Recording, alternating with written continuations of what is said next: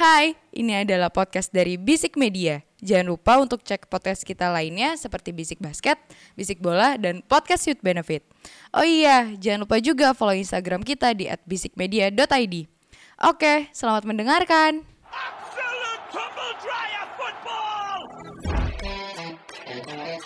Utter humiliation.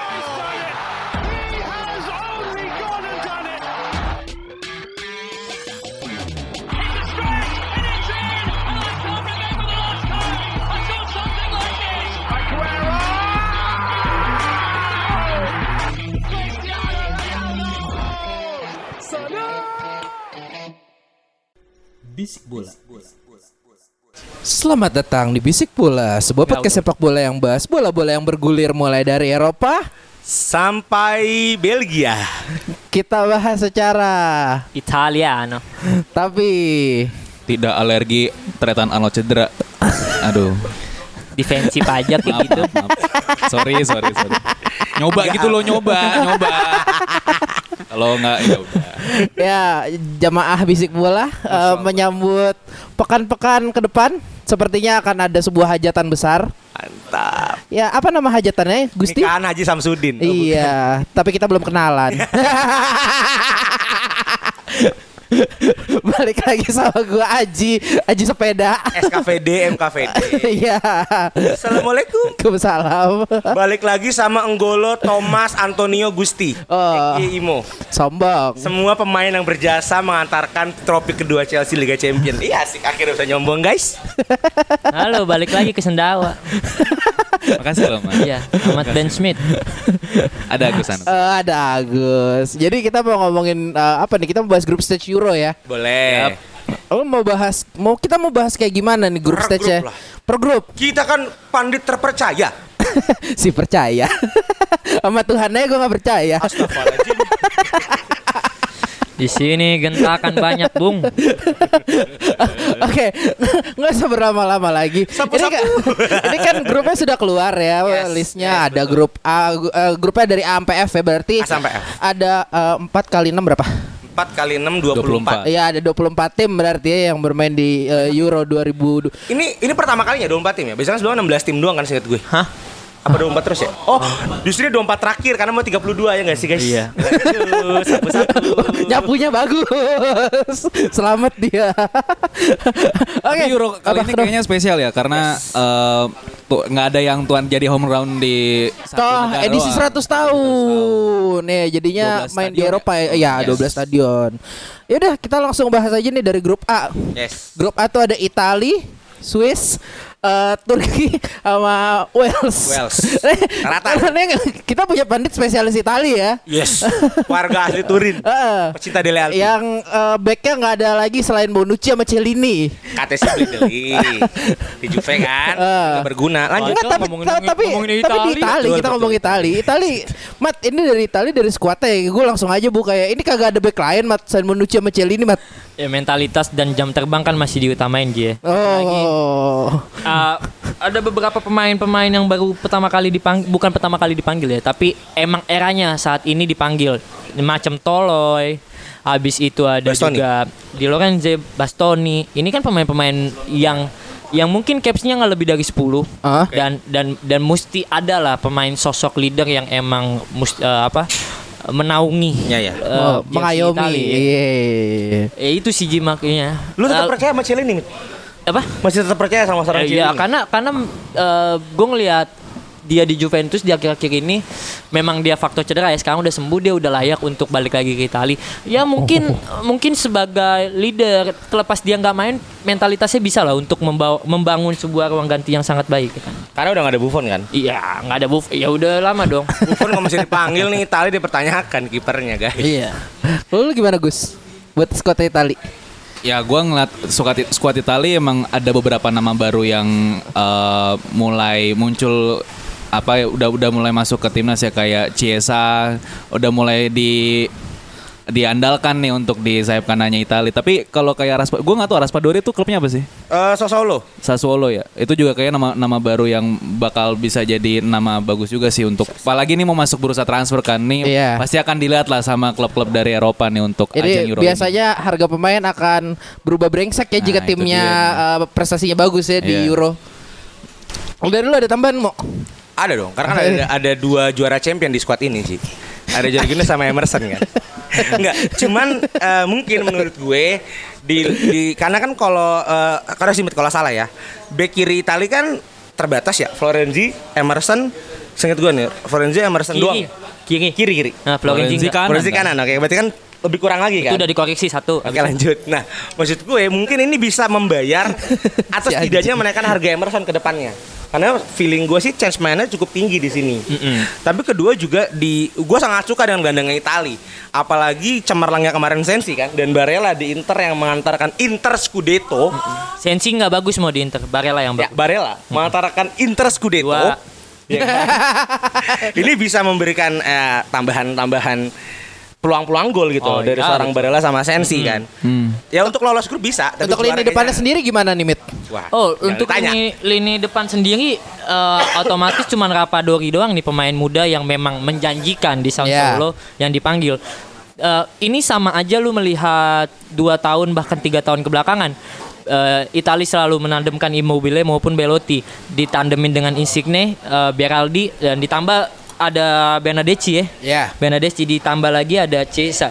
Ini ini pepadu padanan antara pemain muda dan pemain senior. Ya, ya, ya, ya. Ini eh, kalau lu paham tentang Mancini, ini memang pelatih yang suka banget memadu padankan dua dua belah pihak ini ya, di mana mentalitas dan jam terbang dipadu dengan beberapa pemain potensial.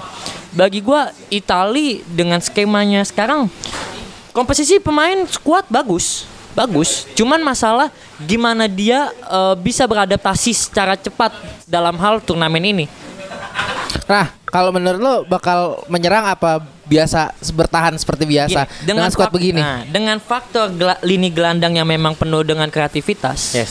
Verratti eh, ada juga Jorginho, Locatelli plus ditandemin dengan box to box yang model Barella Sadis. Habis itu ada Verratti, DMF yang bagus. Maksud gua eh, skema ini mutlak Itali mesti memain perang, eh, mesti mesti memainkan menyerang. Menyerang. Karena eh, finishing Itali kan bagus banget nih dari Immobile maupun Locatelli eh, Belotti yang memang Iya. punya gol bagus ya. Ya, ya. Plus dipadu padankan oleh Chiesa 14 golnya, 11 asisnya In- Insigne dengan 20 golnya eh, berapa belasan golnya dan belasan asisnya. Ini pemain yang memang udah mustinya nyerang dia. Oke. Lebih biasa biasa jadi- loh. Dia udah nyetak 17 gol Iya. dari Serie A.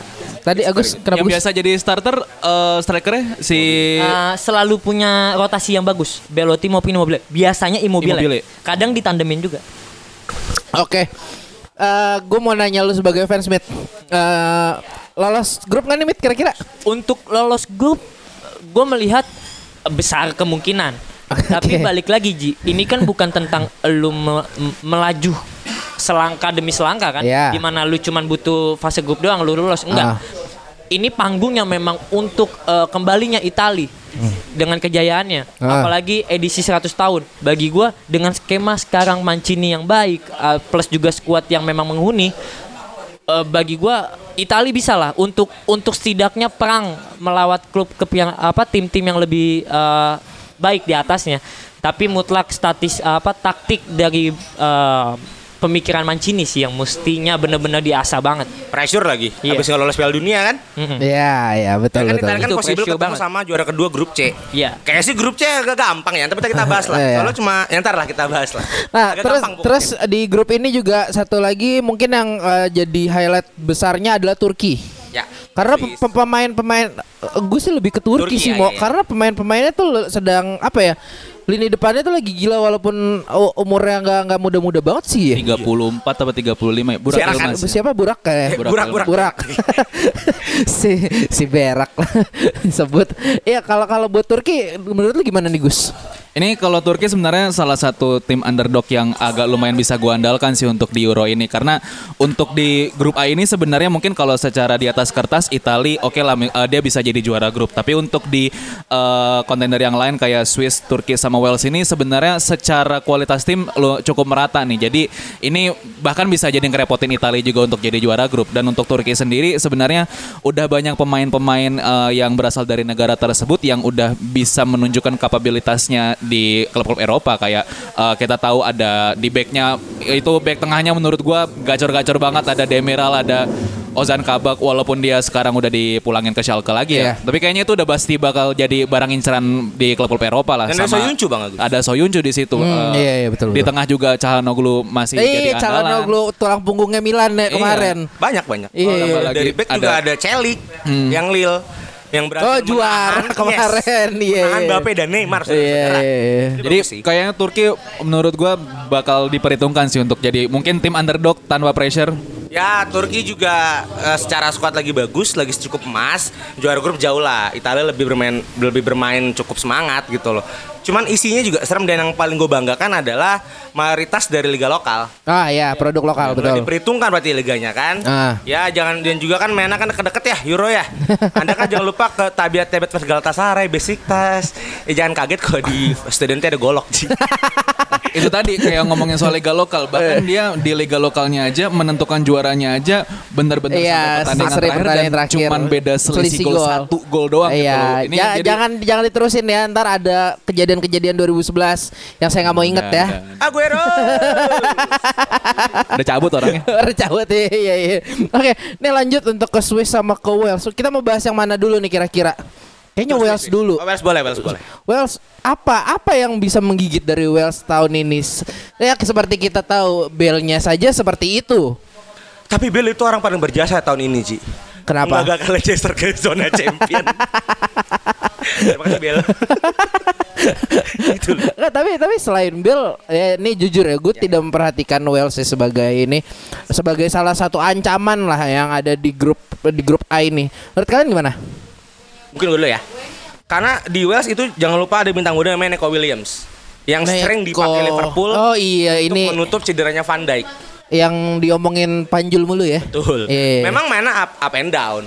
Cuman dipanggil ke Wales kan kau kehormatan juga buat dia kan. Walaupun Wales juga emang krisis pemain sebenarnya saudara-saudara ya. Ih, Ya Ethan Ampadu aja dipanggil. Oh, iya, iya, Ethan iya, Ampadu iya. dipanggil. Tapi menurut gue ya Jordan masih ada, Ramsey masih ada, masih cukup menggigit tangannya ya. Iya iya iya. Jalen juga di tahun lalu kan singkat gue tuh Golden Ball ya 2012 Ah. dia pemain terbaik ya singkat gue ya singkat gue dan juga Gareth Bale lagi naik sebenarnya mentalnya lagi naik Mentalnya ya. Nah, dan jangan lupa ada pemain Manchester United men Daniel James Ah. MU kan terkenal ya pemainnya di klubnya jelek di negaranya bagus siapa tahu Daniel James bagus Coba Gus mau dibela nggak Gus? Nggak ada di bela. Saya mengaminkan itu. Eh tapi gue nggak tahu deh. Apa? eh, Kenapa? Wales. dia pelatihnya kan sebelumnya Ryan Giggs ya. Dia kan sempat ada masalah tuh. Ah. Dia masih masih lanjut ngelatih nggak sih? gue backpack Oh, udah udah udah nggak udah nggak halaman ngelatih. sekarang. Oh, Oke oke. Oh, kalau lu Wales ada masukan nggak buat Wales? Masukan. Ya, kalau Wales gue ngelihat um, mutlak rotasi pemain pusatnya ya Gerard Bale ya. Yes. Terbukti dengan 16 golnya di Tottenham bukan sesuatu hal yang memalukan. Yes. Ya bagi gua dengan lu bisa menyuplai bola ke Bale lu bisa menciptakan gol. Tapi kalau Bale dibikin mati oleh back-back lawan ya akan kesulitan apalagi menghadapi Italia yang lebih defensif ya. Ah. Terutama juga Swiss. Swiss tipe pemain yang memang model-model Jerman kan. ya Kesulitan ada di Wales. Oke. Nah, untuk Swiss sendiri tadi kayaknya yang bersemangat buat eh, Swiss nih Imo nih tadi.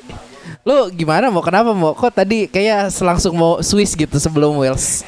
Karena emang lagi diisi sama pemain mengejutkan sih jangan lupa Mönchengladbach kemarin melangkah cukup jauh kan di champion Iya. Ah. itu kan karena berkat seorang Jan Sommer ada juga seorang Elvedi banyak lah pemain-pemain Swiss yang ada di yang ada di uh, Swiss. ya Mönchengladbach yang ada di Swiss kan Ah. Embolo Swiss juga lagi diberikan banyak banget gift tahun ini menurut gue ya seperti kita melihat Belgia di 5 atau 6 tahun lalu mungkin ketika awal Golden Generation kan menurut gue Swiss sudah menuju Golden Generation apalagi Saka walaupun dihina-hina di Arsenal tapi tetap sebagai seorang sosok gelandang bertahan yang cukup bagus gitu loh jadi kaptennya kan Saka ya kapten Swiss Iya.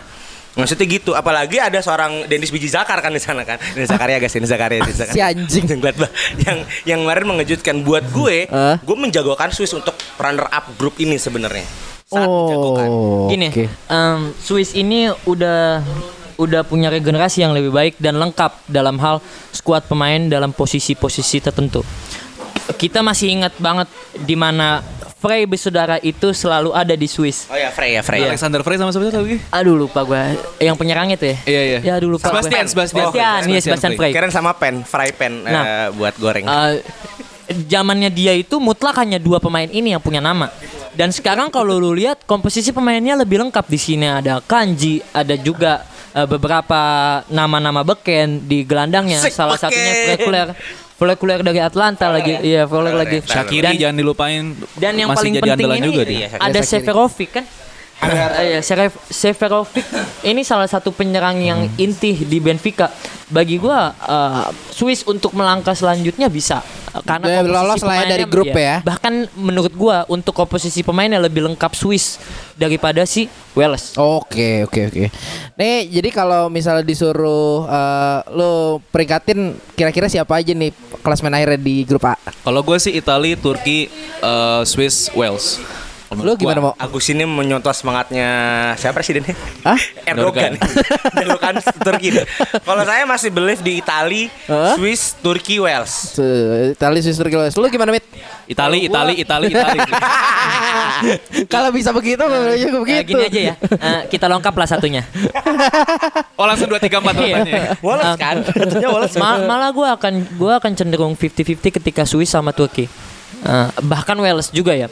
Runner Ah. up terlalu buta bagi gua. Bahkan untuk ranking satunya pun terlalu buta. Bisa terjadi apa pun Iya. berarti di sini. Merendah dia, merendah dia. merendah dia untuk meroket. Ya udah lah. Mana jiwa-jiwa ini lu? Apa namanya fans Itali tuh? Ya kan gue lengkap lah. Kan gue lengkap lah.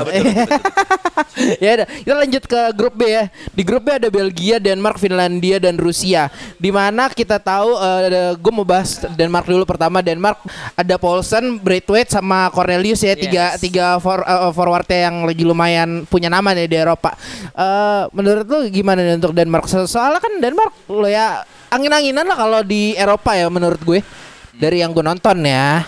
Eh, gue duluan deh. Denmark oh Eh? Kalau buat gue backnya spesifik nih untuk back kayaknya Denmark lagi cukup bagus. Jangan lupa ada Simon Jair di sana kan. Hmm. Simon Jair yang di Milan juga cukup performa dan jangan lupakan ada seorang pemegang Piala Champion juga. Ngentot. Andreas Christensen guys yang kemarin main cukup bagus. Nah buat gue di back sebenarnya cukup aman karena banyak bagus pemain bagus kan. Ada juga Danny Loes segala macam. Nah untuk tengah Erikson memang kemarin kemarin ma- tidak terlalu dipakai sama Conte. Ya. Cuman untuk di Denmark dia akan tetap jadi Di match terakhir dipakai mulu mau. Ya, Eh, sumpah, iya. dan akan tetap jadi di, digantung lah. Maksudnya akan di, di semua bergantung dengan kemampuan seorang Erikson untuk membawa ke depan. Dan untuk menstabilkan lini tengah, jangan lupa ada Pierre Emil Hosberg, pemain underdog yang dibeli Tottenham dan ternyata jadi nyawanya Mourinho di Tottenham. Jadi Tapi kan gagal Mourinho-nya. ya kan cabut. ya, kan ada dari Roma kan. nah, untuk Bradwaite mid, gua jujur 50-50 sama Bradwaite karena di Barca pun ya Barca sudah Aguero berarti kan ada suatu masalah dong. Ya kan dengan Bradwaite kan. Iya. Seperti itu. Tapi untuk Paulsen dan mungkin Kasper Dolberg gue cukup percaya sih. Gue cukup percaya dua striker ini bisa membawa Denmark cukup bagus. Oke. Lo ada mau nambahin Mit? Eh, Buat Denmark? Denmark eh, mungkin gue sorotinnya lini tengahnya Ji ya. Iya. Di sini Erikson akan akan dipadu padankan ya kan dipadu padankan oleh Dena Delaney, ada juga Miley. Oh jadi Lenny ya. eh, Horsberg, eh, kita tahu Denmark ini bukan pemain, eh, bukan tim yang memang kuat dalam eh, taktik maupun skill individu. Iya. Tapi kita tahu perjuangan Denmark itu setara hal stamina dan Ya, ya. agri, agri- apa ya, ag- agresivitasnya bagus dalam hal bermain itu yang sangat luar biasa. Jadi itu yang memang momok menakutkan di Denmark. Defense. Lo gimana Gus Denmark? Ya Denmark being Denmark lah. Angin-anginan sih emang kalau ya benar tadi yang lu bilang emang Denmark nih di setiap pagelaran yang kayak Euro atau Piala Dunia selalu nggak tahu jadi tim ada, cuma Ada. tidak terasa. Iya. Kayak gebetan ya. Walaupun Tapi peringkat 10 walaupun Iya, walaupun peringkat 10. dia pernah juara. Euro ya. 92 92. Itu pertama masuknya juga agak aneh karena Iya. udah kedepak karena ada beberapa tim yang Ada lagi kendala masalah Yugoslavia. politik ya kalau nggak salah. Yugoslavia kedepak dia masuk dan dia juara. itu pertama Main, kali Michael. dia akhirnya dijulukin apa tim Dynamite, itu. Dynamite ya. Oke. Eh, Kuat, ki- kuat, kuat. Kita ke apa nih? Belgia. Belgia? boleh. Belgia? Belgia. Finlandia juga kali ya. Ah, Belgia Finlandia. sama Rusia kayaknya emang. Finlandia. Iya. Mati gue jujur ya mati Finlandia kagak ada yang tahu mat. Gue yang tahu cuma satu, Puki Apa? aja udah. Iya. Cuman itu yang gue. Kenapa konotasinya beda ya kalau dalam bahasa Indonesia ya? Karena kalau emang lihat Belgia, eh, Finlandia, Finlandia. dari liga-liga lokal dan liga-liga di Skandinavia rata-rata ya. dan dan gue jarang sih ngeliat liga-liga dari apa tim-tim Skandinavia yang bersinar di kancah Eropa ya. Kecuali kemarin si Islandia, Viking Club. Itu cukup jauh kan 2016 sama Ah, 2016. Dia kan ah. Skandinavia atau Islandia. Iya, iya. Tapi ya Islandia ya momentum aja. Ah, Gue sih berharap tim Puki ya kita tekankan Pukinya guys bisa mengejutkan gitu loh karena berhasil bawa Norris promosi. Iya. Cuman ya sepertinya sih feeling gua Mhm. dia akan jadi Juru kunci. juru kunci Iya. di grup. Oh, Walaupun kipernya juga bagus ya, Haradeki dari Leverkusen. Oh. Tapi ya kan bukan cuma buat dua orang aja di tim ini. Iya, betul. Lo, lo gimana? Kalau kalau gue sih ya gue akan bilang ini jadi tim bulan-bulanan ya. Karena lima match pertandingan terakhir emang nggak pernah menang. Cuma Oke, oke. Kalau tiga kali kan. Ah. Nah, Oke lah, terlepas ada Puki memang 12 golnya dalam kualifikasi eh, yang menyelamatkan, Menyelamatkan ya. Finlandia. Ah. Ya bagi gue dengan dia datang ke Europa League dan masuk menjadi salah satu kandidat udah udah perayaan yang terbaik lah Oke. bagi gue. Ya, Finlandia gue taunya Kimi Raikkonen doang. Nah, jadi ke mana-mana. Relate tuh, Ji. si relate. Kiper Raikkonen. Oke, Rusia. Rusia juga salah satu tim yang menurut gua agak-agak sosok sih ya sebenarnya di eh, apa Eropa atau dunia kecuali kita waktu ngomongin dia masih eh, Uni Soviet atau pas dia jadi tuan rumah kemarin kan. Itu agak lumayan menggigit lah. Dan untuk tahun ini gimana? Toh juga pemain Rusia sepertinya belum ada yang Dragon. seterang Arshavin waktu itu ya. Ya kalau gue sih melihat kayak juga kemarin Piala Dunia Art Artem Zuba pe- pemain lokal kan, Iya. saya mengejutkan dan punya cetak gol banyak. Memang kalau dilihat skuadnya si Rusia ini maksudnya dari liga lokal lagi. Iya. Sedikit banget yang dari luar itu cuma Antaya apa Antanya Apor lagi eh, F- apa si Kudrasov dari Antasyapor, Mirancuk itu di Atalanta, Cherisev, Golovin. Ah. Golovin, cuma itu aja. Sisanya liga-liga lokal semua. Ya, dan yang melihat liga lokal Rusia memang cukup challenging, tapi ya menurut gue bukan tahun ini tahun Rusia. Bukan tahun ini. Tapi 15 tahun lagi gak bercanda. Mungkin ntar di tahun depan di 2022 kita nggak tahu. Tapi kalau tahun ini Rusia ya lu masuk ke wildcard eh 8 ke 3. Oh, iya, lu gimana Gus?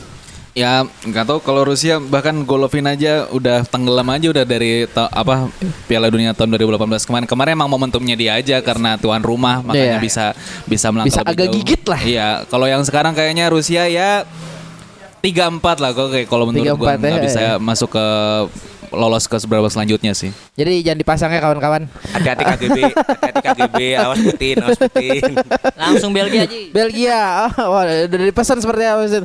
Belgia, Belgia dengan golden generationnya yang sudah mulai eh, tidak golden lagi, apalagi setelah kemarin KDB eh, gagal membawa Manchester City menghempaskan Chelsea ya. Tapi tetap di bawah ya ke Belgia Iya ya? di bawah, walaupun Daftarkan. walaupun ke di, di kepentok kepentok masker ya, patahnya katanya. Kepentok masker. Ini Belgia menurutnya gimana? Karena menurut gua tim-tim ini sudah tim Belgia ini udah lumayan aging loh pemainnya. Ya. Ya, Sepakat. ini golden generation yang kegosongan kayaknya. Kan kalau ibarat lu goreng nugget nih udah nggak nyari goldennya lagi udah gosong ini. Bisa aja owner cafe. iya juga sih. Ya sekarang lu gimana? Masih manggil Thomas Vermaelen dari Vissel Kobe tuh?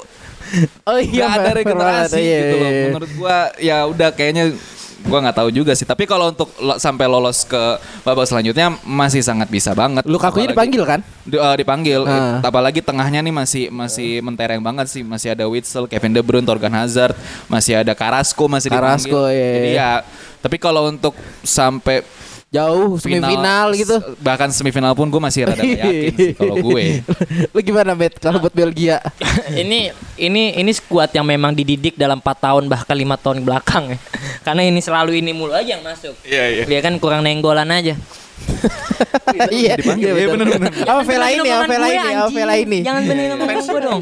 Dari timnas? Iya karena nggak dipanggil. Iya, ngambek-ngambek. Ya maksud gua Belgia ini mungkin eh, buat regenerasinya lima tahun belakangan Rusia apa Belgia ya. ini salah satu trofi mungkin yang bisa dia raih.